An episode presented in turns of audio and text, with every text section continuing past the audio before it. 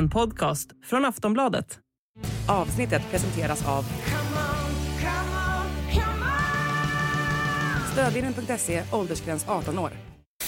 Sju valpar som låg gömda i en lastbil fick avlivas efter att tullen i Ystad hittat dem i januari i år. En man i 40-årsåldern döms nu till sex månaders fängelse för grov smuggling. I domen skriver Ystads tingsrätt att det fanns en beaktansvärd risk för rabiesmitta hos hundarna och gärningen innebar en risk att rabies sprids i Sverige.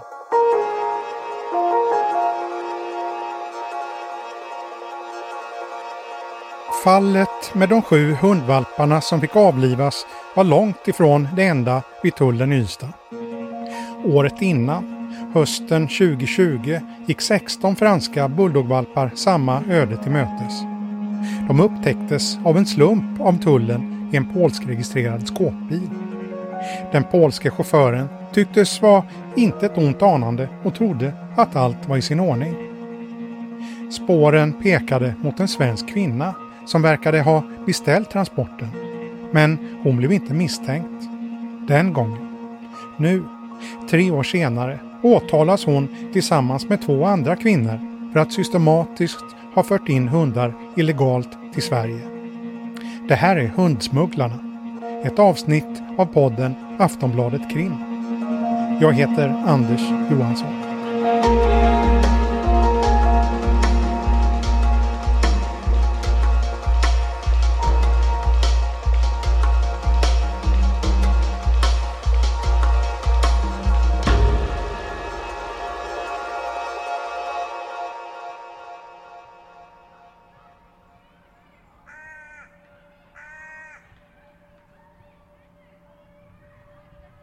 Vi är i en stad i södra Sverige. Det är förmiddag tisdag den 29 augusti. Det har varit ostadigt väder i flera dagar men nu är solen framme och värmer rejält. Vi är här för att träffa en person som bor här sedan några år tillbaka.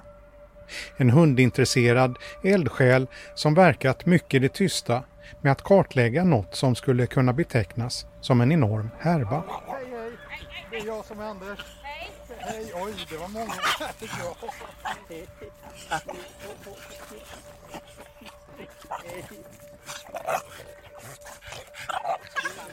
Det är fart och fläkt på det.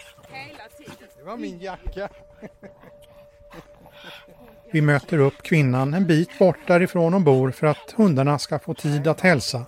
Så att det inte ska bli för mycket stim och stoj som det skulle kunna bli om vi kom direkt till bostaden. Vi promenerar en stund och är snart hemma.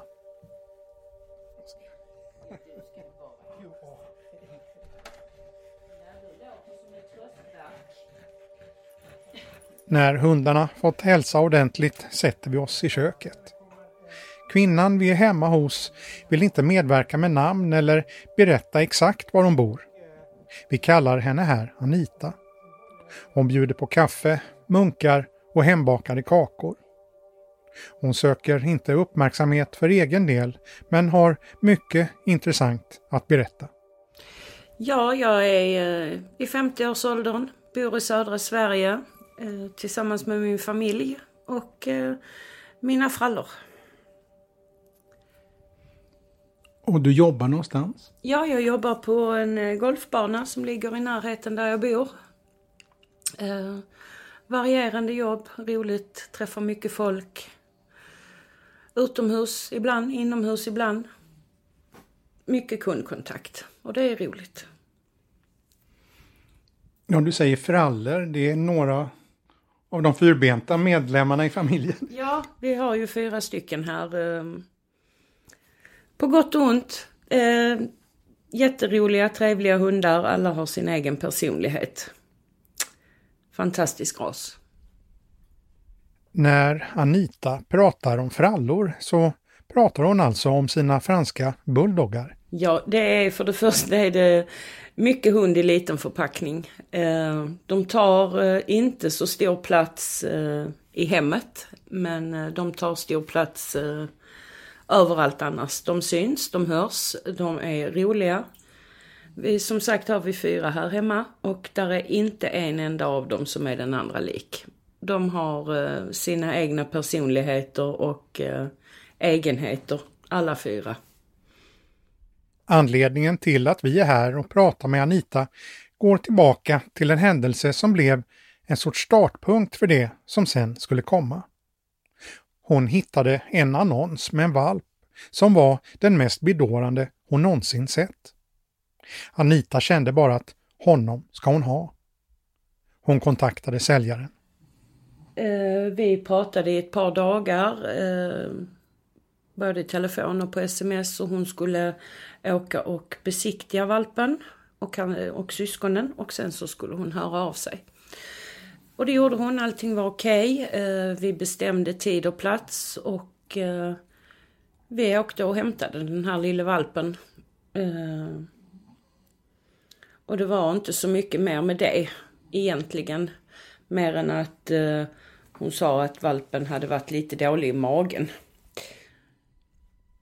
När Anita fick det plötsliga beskedet att valpen var dålig i magen reagerade hon.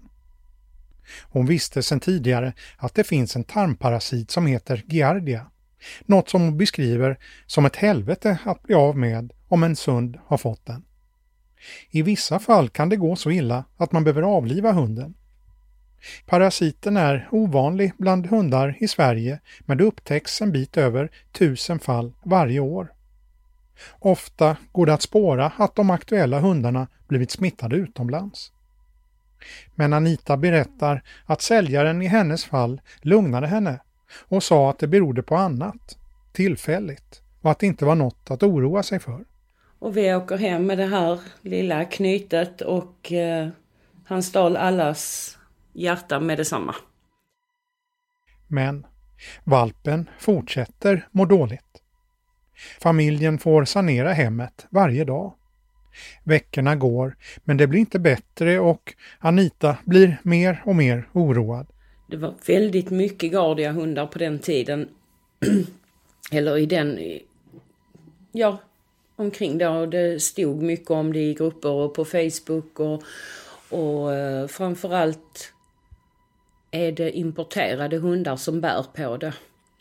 Och det kommer mycket av att vattnet inte är lika rent utomlands som det är i Sverige.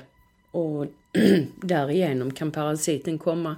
Det kan utlösas av stress vid flytt till exempel, vid ett foderbyte och så här. Um, så att jag var, jag var rätt så på det klara med att han hade det uh, ganska snart. Till slut går det inte längre. Anita skickar ett prov till en veterinär. Och då visade det sig att han hade det här Gardia.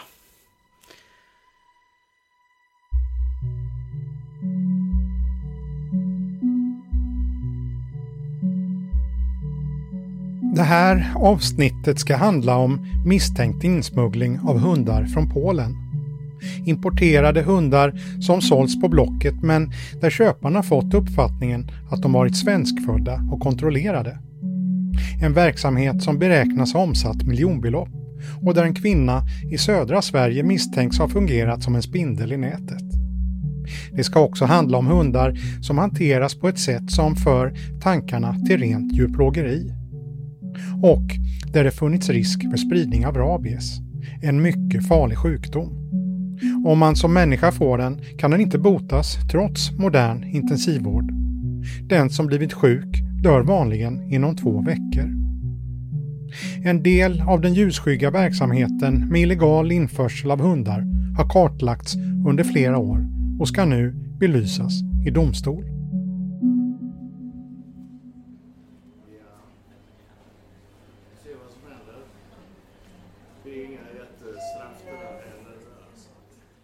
Vi är i Helsingborgs tingsrätt. Det är en måndag i slutet av augusti 2023. Klockan är strax före nio och det är svalt i det moderna tingshuset. Utanför salen står tre kvinnor som är åtalade och viskar lite med sina respektive advokater. Målet som vi är här för att bevaka är omskrivet. Inte i någon större utsträckning av riksmedia men av de lokala tidningarna. Själva utredningen har pågått i flera år. Men nu är det dags för första rättegångsdagen. Klockan nio plingade till i högtalarna.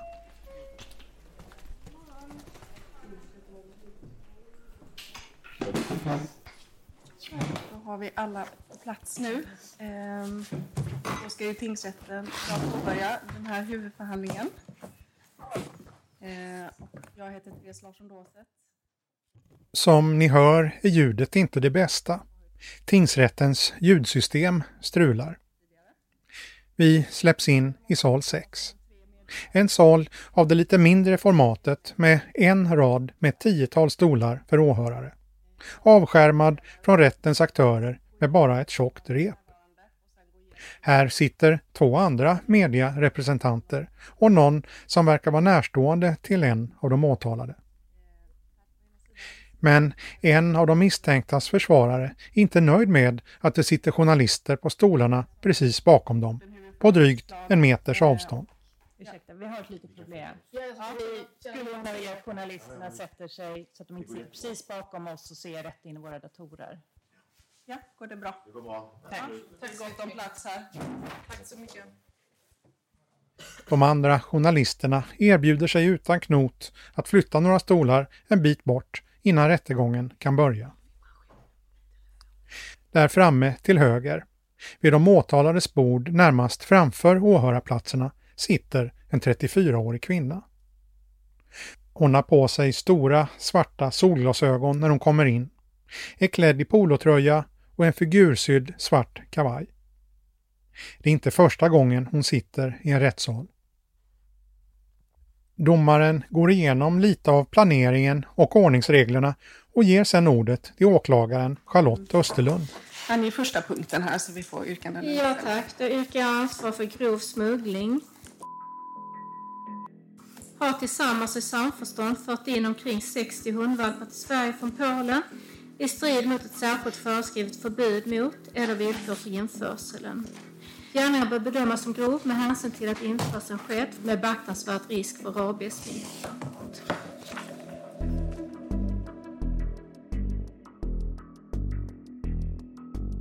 Den här historien kommer kretsa kring en utredning om en serie misstänkta brott. Men till skillnad från många av våra andra avsnitt så kommer vi inte först och främst att ta avstamp i en myndighets utredning. Nej, den här berättelsen börjar med att en vanlig privatperson bestämmer sig för att själv utreda en misstanke. Det handlar om Anita som vi träffade i början av avsnittet. När hon upptäcker att hennes valp är sjuk kontaktar hon säljaren. Eh, hon erbjöd sig att köpa tillbaka hunden och stå för veterinärkostnader. Men Anita hade redan fäst sig vid sin valp så hon avböjer. Hon misstänker också att säljaren inte är helt ärlig. Jag kände att säljer jag tillbaka honom så kommer hon bara sälja honom vidare till någon annan. Vid det här laget har Anita börjat höra historier om säljaren. Historier som stärker misstankarna om att allt inte står rätt till. Bland annat eh, en eh, väninna till mig som eh, ett par år tidigare hade köpt en valp av henne. Som visade sig vara insmugglad. Eh, den hade, den hade bland annat två chip i sig. Ett från Belgien och ett från Sverige har jag för mig att det var. Eh, den hade massor med parasiter och sjukdomar. Eh, och fick senare avlivas när den var några år för den hade problem med ryggen. Att hundar chippar chippas handlar alltså om att de får en ID-märkning. Anita bestämmer sig för att börja kartlägga säljaren för att se vad hon kan få fram. I arbetet får hon kontakt med en annan person som också fått upp ögonen för samma säljare. Vi kände inte varandra. Hon höll på på sitt håll, jag höll på på mitt. Det visar sig att det finns fler människor som riktat in sig på att kartlägga samma person. Hon och några andra var väldigt insatta i ett hundsmugglingsärende i Halmstad. De bestämmer sig för att göra gemensam sak. Det var så vi började samarbeta. Tillsammans börjar de spara ner information och försöker skapa sig en större bild. Vi sparade på oss mycket info. Hon från sitt håll, jag i fransk bulldog-världen då. eh, hörde ju mycket. Eh, hon hörde lite här och lite där. Allt de får höra pekar på att något är fel. De arbetar på olika sätt för att se om de kan hitta några konkreta bevis på att det här är en person som ägnar sig åt hundsmuggling. Bland annat utgår de från Blocket-annonser. Man lär ju sig känna igen annonsörernas bilder på Blocket. Eh, där är någon som eh, tar sina bilder på ett vis och där är någon som tar på ett annat vis och till slut så lär man sig att känna igen bilderna. I annonserna ser de att många bilder tycks vara tagna på exakt samma sätt. De noterar också att formuleringar i texten återkommer. De tar kopior på annonserna för att sedan kunna spåra köparna och frågar dem om hur hundköpet går till, vem som egentligen var säljare, vad de fått för information om födelseland på valpen och inte minst numret på chipmärkningen. Så det, det är ett, ett pusselarbete. I olika Facebookgrupper kommer de också i kontakt med många som nyss köpt en fransk bulldogvalp. Ofta var, var det att de la ut en fråga för att hunden kanske var sjuk eller hade någonting liksom som de behövde hjälp med. Anita och de andra skriver till de nyblivna valpägarna och frågar om hundens chipnummer, vilket de flesta vill ha med sig av. Hade vi tillgång till en polsk databas där man kan kolla upp veterinär och chipnummer på hunden. När de körde chipnumret genom databasen fick de nästan alltid samma svar. I 95 eh, av fallen så slog vi in chipnumret och där fanns de i den polska databasen. Svaret kom alltid som en chock för hundägarna. Nej, men min hund är svenskfödd. Den är född i Sverige. Jag har träffat mamman och syskonen och allting. Uh, ja, men jag är ledsen att säga det. Uh, det här chipnumret, den har ett pass och allting i Polen. Här kanske det kan vara på sin plats att förklara varför det här spelar någon roll. Vad är egentligen problemet med att hunden är från Polen? Ett svar är att hundar som ska tas in lagligt från utlandet måste vara minst 15 veckor. Detta eftersom rabiesvaccination kan ges tidigast vid 12 veckor och sen måste det gå en väntetid på tre veckor till. Men många av valparna som såldes på Blocket var betydligt yngre och riskerade därmed att ha med sig rabies. Den polska databasen leder till fler fynd. Genom den går det att se vilka hundvalpar som chippats vid samma tillfälle. Genom att samköra det registret med Jordbruksverket hittar Anita och de andra fler valpägare i Sverige. Sen blev de här eh, köparna, de, vi hittade ju fler och fler efterhand eh, och de blev kontaktade och informerade om att de hade köpt en smuggelhund. Och de blev ju givetvis förtvivlade.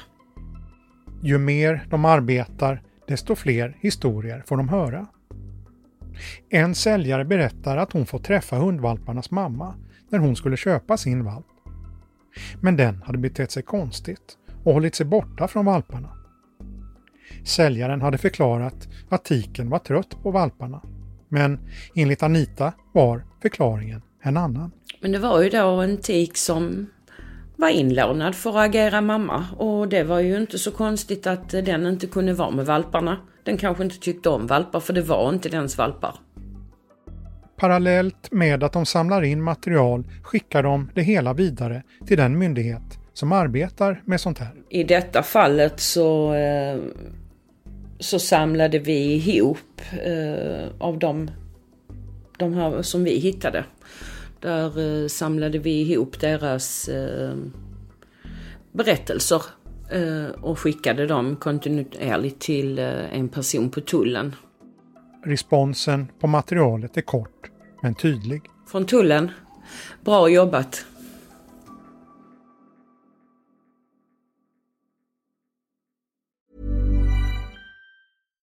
Millions of people have lost weight with personalized plans from Noom.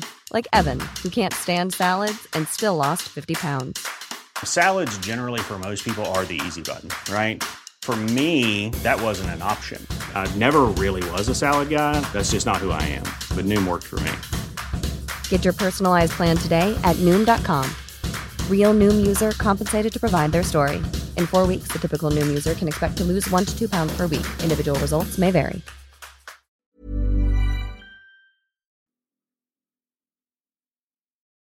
I materialet som lämnas över till tullen finns en person som återkommer gång på gång. En person som även tidigare hamnat i klammeri med rättvisan. En kvinna som tidigare hette Madeleine El Hanafi, men som nu tagit tillbaka flicknamnet Palmqvist. 2013 dömdes hon för grovt bokföringsbrott till fängelse i ett och ett halvt år. Då hade hon under en femårsperiod ägnat sig åt handel med hundar och hästar och omsatt 9 miljoner. I en intervju i tidningen Expressen som hon gav efter att hon avtjänat straffet sa hon att hon aldrig mer skulle sitta i fängelse. Det här är alltså samma person som sålde hundvalpen till Anita.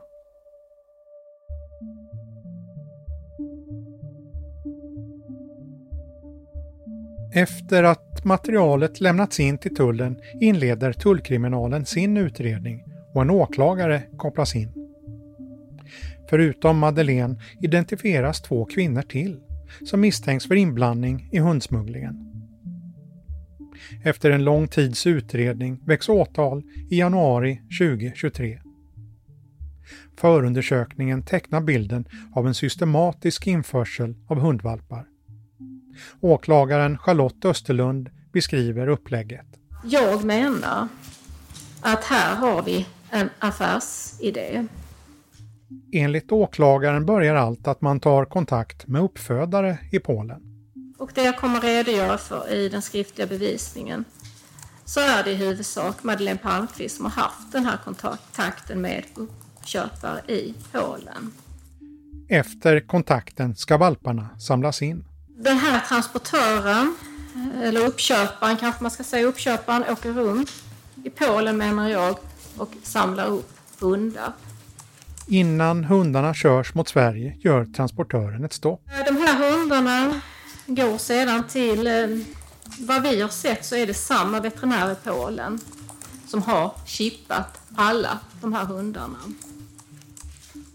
Där chippas hundarna som också får ett pass. Därefter så sker eh, kontakt med transportör. Det görs en överenskommelse eh, att man kör de här hundarna till Sverige. Väl på plats i Sverige börjar försäljningen av hundarna. Detaljerna i försäljningen känns igen från Anitas berättelse. I de flesta fall så är det också så att i samband med när man agerar försäljare så har man en tik med som man uppger är mamman till de här valparna man har till, till salu. Mer eller mindre genomgående döljs hundarnas bakgrund. Och i de allra flesta fall så har de här hundarna sålts som svenskfödda. Det finns några undantag. Men i huvudsak de här hundarna är sålda som svenskfödda. Åklagaren understryker vad som är problemet med det här systemet. Eh, för det första så är det så att hundarna ska vara tre månader när de rabiesvaccineras. Rabies förekommer i Polen. Därför är detta extra viktigt att hundarna är korrekt rabiesvaccinerade. Sen måste man vänta ytterligare tre veckor för att det här rabiesvaccinet ska ha full verkan på valparna och man så att säga kan garantera att vi inte för in rabies i Sverige.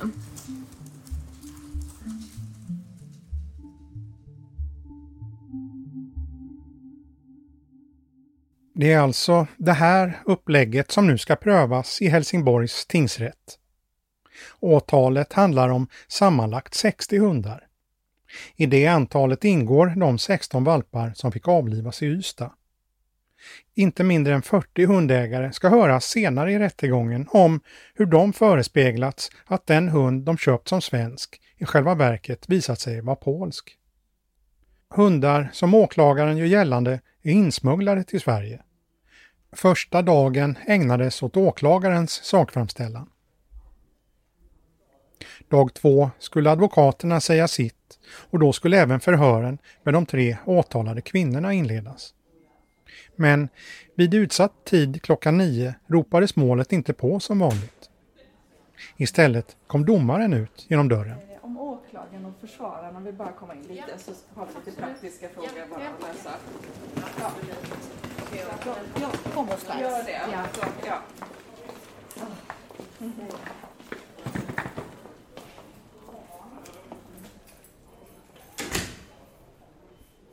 Det visar sig att två av de tre kvinnorna inte infunnit sig. Däribland Madeleine Palmqvist. Det blir paus i två timmar, till klockan elva. En av de två är sjuk och är kvar hemma. Madeleine infinner sig strax innan den nya utsatta tiden. Nu är det dags för förhör med henne. Det börjar lite svajigt. Så Madeleine, jag vill på samma sätt för dig att du får möjlighet om du först själv vill eh, säga någonting. Här mer generellt innan åklagaren ställer frågor. Jag ska bara hitta rätt dokument här, känner jag.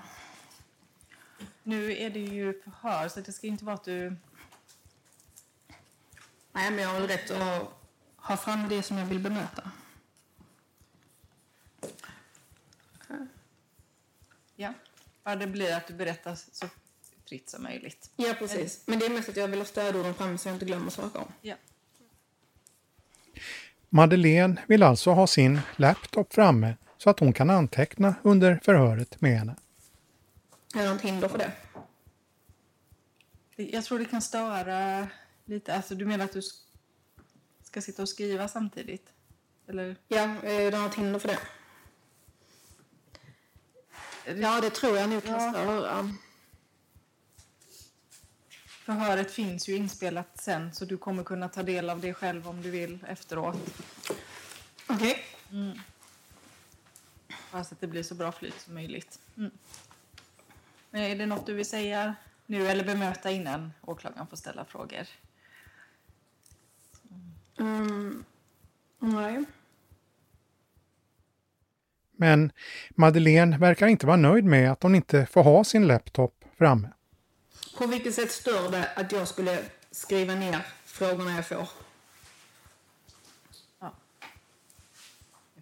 inspelningen. Eh, nej, men det tar lite koncentrationen av själva förhöret. Och det kommer även... Men det tar inte koncentrationen från mig. Nej.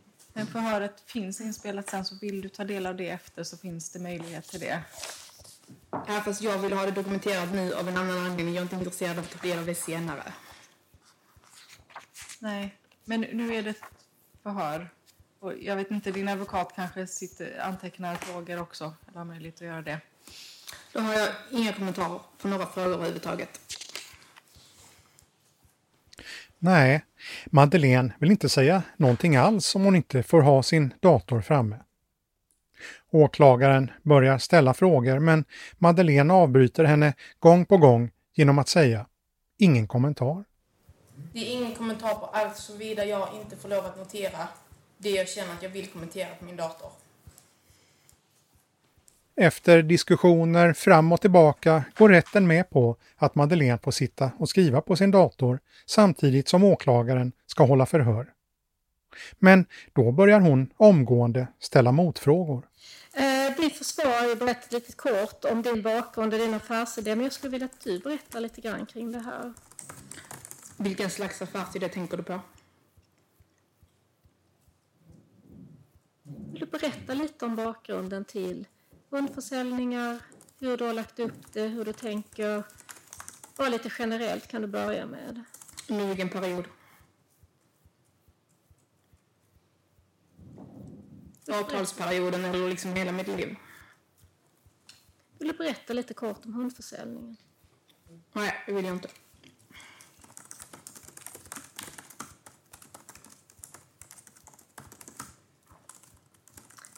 Eh, har du vid olika tillfällen importerat hundar från Polen?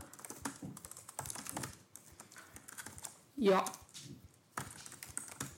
Vi kommer ju beröra det under olika punkter sen, men jag vet att vid något tillfälle, eller vid några punkter har vidgått att du har sålt eh, polska hundar. Är det någonting du redan nu vill kommentera eller vill du kommentera det sen under respektive när vi kommer till de punkterna?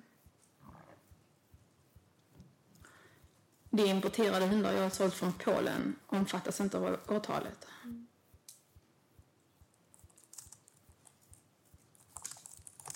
har vid något tillfälle också här sålt polska hundar. Vill du kommentera det? Förlåt? Du har vid något tillfälle också sålt polska hundar här som omfattas av åtalet. Vill du kommentera det på något sätt? Det kan jag göra senare. Då tar vi det under den punkten. Åklagaren Charlotte Österlund fortsätter ställa lite mer allmänna frågor. Däribland om Madeleines relation till de två andra åtalade kvinnorna och vad de har haft för affärer ihop. Hon frågar även om saker som hittats i de tre telefoner som tagits i beslag och får svaret att en av telefonerna är hennes exmans och en annan tillhörde bolaget som han äger och som Madeleine själv säger inte har haft någon aktiv roll i. Vissa saker som kommer från telefonerna säger sig Madeleine inte ha någon kännedom om. Men en del känner hon igen och ger en förklaring. Bland annat ett sms. Då går jag till sidan 253. Eh, det är en valpköpare där som har kontakt med dig. Och då svarar du, ja svenskfödda kostar det. Kan du tänka dig import av de billiga? Men det är de ju av en anledning. Eh, vad menar du med den här kommentaren? Att franska bulldoggar är det 90 kejsarsnitt när de föds. Ett kejsarsnitt i Sverige kostar 25 000 på en måndag. Det kostar 45 000 på en söndag. Ett kejsarsnitt i Polen kostar 1 200 kronor på en vardag och 2 500 kronor på en helg. Per automatik så är det billigare att föra upp hundar i Polen. Omkostnaderna är billigare, skatterna är lägre. Där blir hundarna billigare i Polen. Och priserna kan därmed hållas nere. Okej, okay, så det var det du menade? Precis. En del av de sms som läses upp i rätten kopplar åklagaren till en granskning gjord av tidningarna Sydsvenskan och Helsingborgs Dagblad. Under 2021 hade tidningarna börjat skriva om Madeleine Palmqvist och hennes kopplingar till smuggelhundar. En artikelserie de kallade Valptvätten. När Madeleine blev kontaktad av en av journalisterna blev det livlig sms-trafik mellan Madeleine och en av de andra åtalade kvinnorna som i rätten skyller på varandra. Åklagaren läser upp en mängd sms som kan tolkas som att de är avslöjade med någonting. En av de åtalade undrar om hon ska kontakta en advokat. Madeleine svarar att det inte behövs nu, utan säger att all deras konversation ska raderas. Något som aldrig sker. Åklagaren fortsätter. Sen skriver du då de kommer plocka in oss. Ja, givetvis. Sen skriver du också radera allt här. Ja, givetvis. Sen skriver du också här vi måste ha samma story. Ja, givetvis.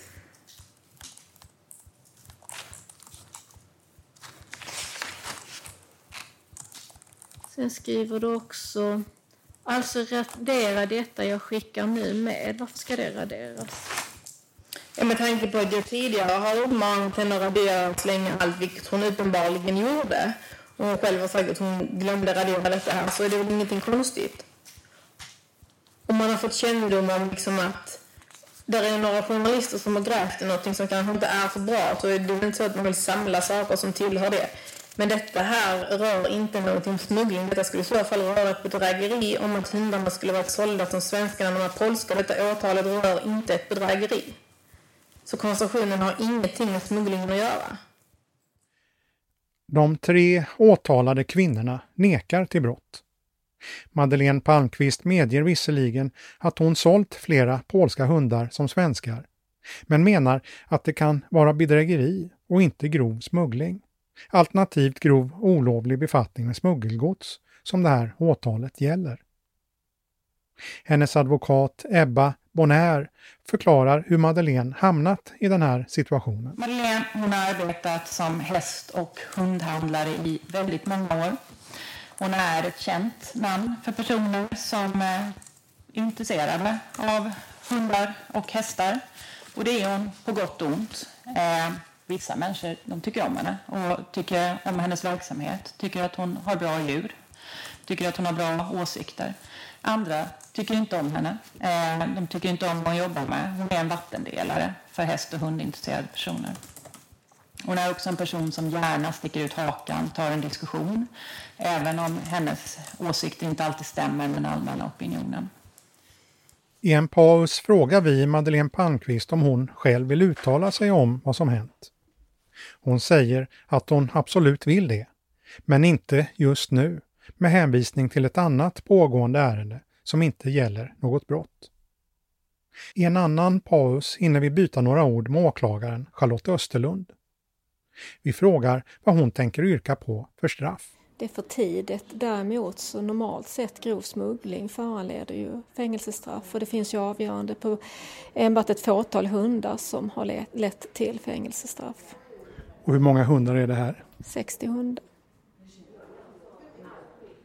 Vad återstår innan du bestämmer dig?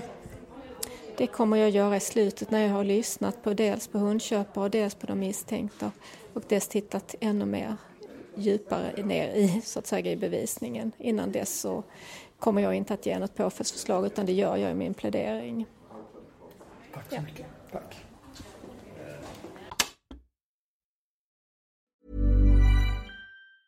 Ruby Frankie was known by millions as a very tough mom. That's exactly the way she wanted it. The social media star amassed a huge following of supporters and detractors alike preaching the values of strict discipline. But you'll learn in a new podcast available exclusively on Wondery Plus how the small empire built by this momfluencer crumbled the moment her 12-year-old son escaped their home and called 911.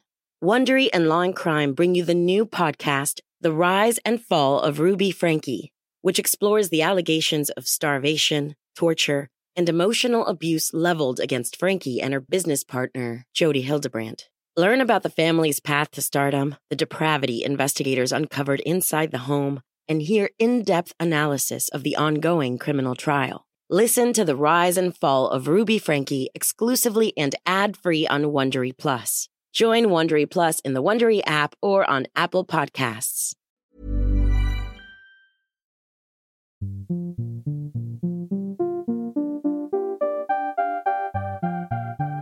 När vi spelar in det här avsnittet har rättegången precis bara inletts. Det återstår drygt ett tiotal förhandlingsdagar. De sista ligger flera veckor fram och domen kan tidigast komma en bit in i oktober. Vi kan konstatera att det finns olika versioner av vad som hänt och vem som har gjort vad och vad som eventuellt är brottsligt. Det här blir alltså tingsrättens uppgift att försöka bringa klarhet i. Det förtjänar därför att påpekas att de tilltalade nu ska betraktas som oskyldiga. Ett åtal innebär inte att de misstänkta kommer att fällas. Men oavsett utgången i det här fallet är en sak klar. Fenomenet med insmugglade hundar till Sverige är ett problem. Hur stort är det? Vi ställde frågan till en person som ser det här i sin vardag. Hej, hej. Vi ringer till Håkan Hansson. Han är biträdande chef för Tullverkets kontrollenhet Syd. Vi kontaktar honom för att höra vad han och hans kollegor sett för trend vid gränserna på senare år när det gäller insmuggling av hundar. Hundsmugglingen har sedan eh, 2020 på hösten när pandemin eh, slog till på fullt allvar så ökade smugglingen drastiskt av hundar. Och det var ju efterfrågan helt enkelt där hemma. Eh, folk insåg då efter ett halvår att vi kommer att fortsätta jobba hemma ett tag till. Eh, tillgängligheten fanns eftersom smugglingen ökade så att folk köpte helt enkelt smuggelhundar i mycket, mycket större omfattning. En orsak var att det blev hundbrist i Sverige. De svenska kennlarna räckte helt enkelt inte till. Det är också lång väntetid om du vill köpa en hund som är född i Sverige och sen uppfödd i Sverige så är det ganska lång väntetid på att köpa valp. Det snabbt ökande hundintresset avspeglade sig tydligt i statistiken. År 2019 stoppades 200 hundar i tullen. Två år senare, 2021, hade siffran mer än fördubblats till 523. Parallellt ökade antalet hundar som fick avlivas nästan fyrdubbelt. Från drygt 20 till 86 under både 20 och 2021. En anledning kan vara att valparna som ska tas in är för små för att kunna vara vaccinerade mot den kanske farligaste sjukdomen som sprids av hundar, alltså rabies. Nu hade vi tyvärr eh, så sent som i helgen ett ärende med en tik och eh, fem stycken valpar som eh, blev avlivade för de, dels var valparna ovaccinerade och även tiken då så att och personen då blev anhållen i detta ärendet. Så att nej, det är olyckligt och tråkigt när det blir så här. Vilka är det som smugglar in hundarna? Vad är det för drivkrafter? Jag skulle vilja säga pengar. Här finns ingen empati eller någon omvårdnad av djur. Ingenting utan det är bara pengar som styr den marknaden. Kan, kan du beskriva lite grann om vad, vad är det för syn som, som ni möts av? Vad, vad är, hur, hur, under vilka förhållanden transporteras de? Vad är de i för skick och så vidare?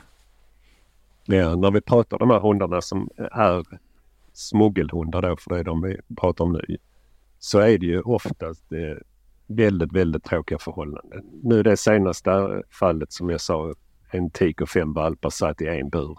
Eh, intryckt i eh, ett fordon. Eh, vi har haft fall med labradorer, eh, tio stycken som transporterades utan mat och vatten från eh, Ungern tror jag det var.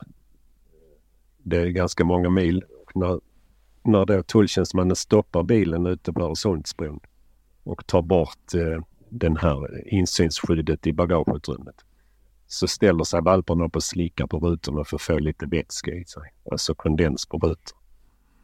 Så att nej, det är fruktansvärt synd. De sitter ofta i sin egen avföring.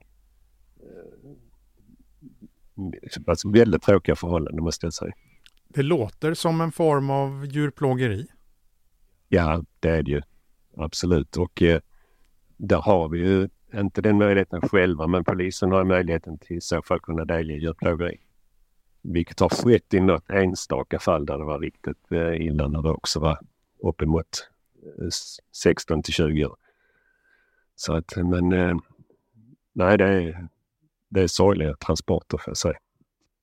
Hur stor omfattning den verkliga hundsmugglingen har kan ingen säga säkert. Tullen hittar långt ifrån allt. Det är ju samma som gäller allt annat som man inte får föra in till Sverige. Där finns ju ett stort mörkertal självklart. Eh, de försöker ju gömma djuren när de smugglar dem liksom man försöker gömma andra varor som vapen och narkotika. Så att, eh, att det finns ett mörkertal, det finns Absolut. Och det är ganska stort skulle jag vilja påstå. Även om mörkertalet är stort så tycks informationsinsatser om riskerna med smuggelhundar minskat den illegala införseln något. Samtidigt har tullen upptäckt ett nytt sätt att smuggla hundar som beskrivs som cyniskt. Vi hör Håkan Hansson vid Tullverkets kontrollenhet Syd igen. I början smugglades det mycket valpar, eh, mycket små hundraser och så vidare, alltså mindre hundar.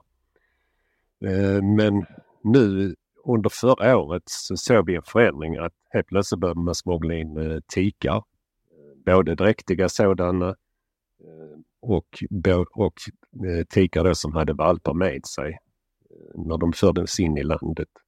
Och jag tror dels att man ska kunna visa upp tiken för en köpare. Men även att de här tikarna sen används i valpfabriker i Sverige och producerar valpar på löpande band. Håkan Hansson säger att det är efterfrågan som styr. Och att Tullverket och andra myndigheter inte kan stoppa den illegala verksamheten om folk fortsätter köpa smuggelhundar som kan ha både farliga och smittsamma sjukdomar med sig. Vad ska man då tänka på om man går i hundköpartankar, tycker tullen? Att vända sig till en svensk kenneluppfödare, kennel uppfödare. Det tar tid att köpa valp. Det är ingenting man bestämmer på måndagen och sen har man en valp på fredag. Utan eh, man får planera, diskutera det i familjen. Eh, detta kommer till att ta tid och så vidare. Och sen, det finns ju såklart seriösa försäljare också på Blocket som är väldigt bra på att stävja det här med sälja smuggelhundar då. Och vi samverkar med dem också. Eh, och eh, det är ju för att träffa hunden, för att träffa eh, tiken, kanske också pappan. Och sen skulle jag rekommendera att man tar med sig valpen till en veterinär och besiktar besiktigar valpen helt enkelt, eller hunden. För att få en eh, veterinärs utlåtande om ja, hur hunden är, om den är vaccinerad som den ska vara och så vidare. Så att eh, det blir en liten kostnad men i slutändan så är den ju väldigt marginell jämfört med om man köper en smuggelhund som kanske är full med mask eller andra sjukdomar som kan generera veterinärkostnader på tiotusentals kronor.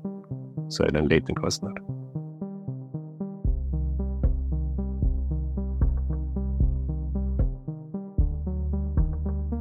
Anita, som vi hört tidigare i avsnittet, hjälpte tullen att skapa ärendet som nu är uppe i Helsingborgs tingsrätt. Det har vi fått bekräftat. Arbetet som hon och hennes vänner lagt ner på kartläggningen har varit omfattande. Det är ju intressestyrt. Ehm, sin hobby har man ju eh, alltid tid för. Ehm, men jag kan ju inte säga annat än att min man har varit ganska trött på mig periodvis. Ehm, det har ju varit eh, dagar där jag inte har gjort annat än att suttit vid, framför datan eller pratat i telefon. Så att eh, det, det, har tagit sin tid men, eh, och det tar fortfarande tid. Men eh, vi får ju lite belöningen när det händer någonting. Anita följer nu rapporteringen från rättegången. Hon hoppas att kvinnorna döms. Enligt henne finns det flera saker som är allvarliga i sammanhanget. Det handlar ju inte bara om hundarna och, och det djurplågeriet det är, det handlar ju om pengarna också.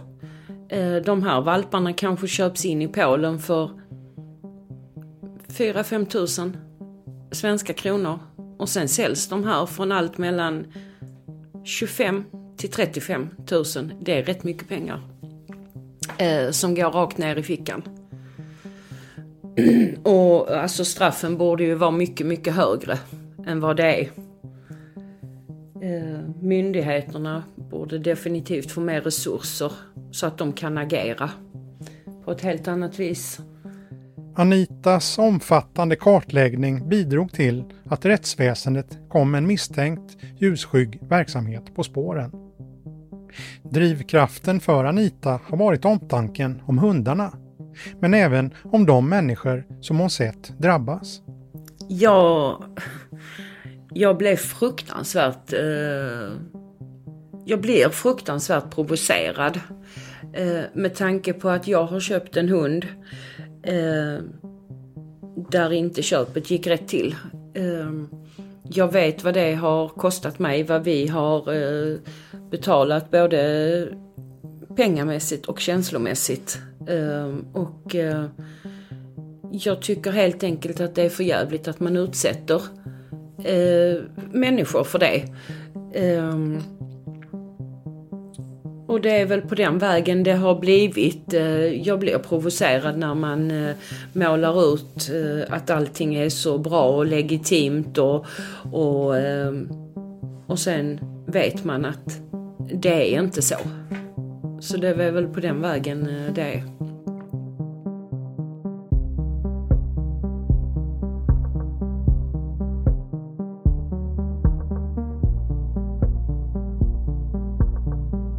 Du har lyssnat på ett avsnitt av podden Aftonbladet Krim. Klippet i programmet kommer från Sveriges Radio. Producent var Marcus Ulfsand. Jag heter Anders Johansson.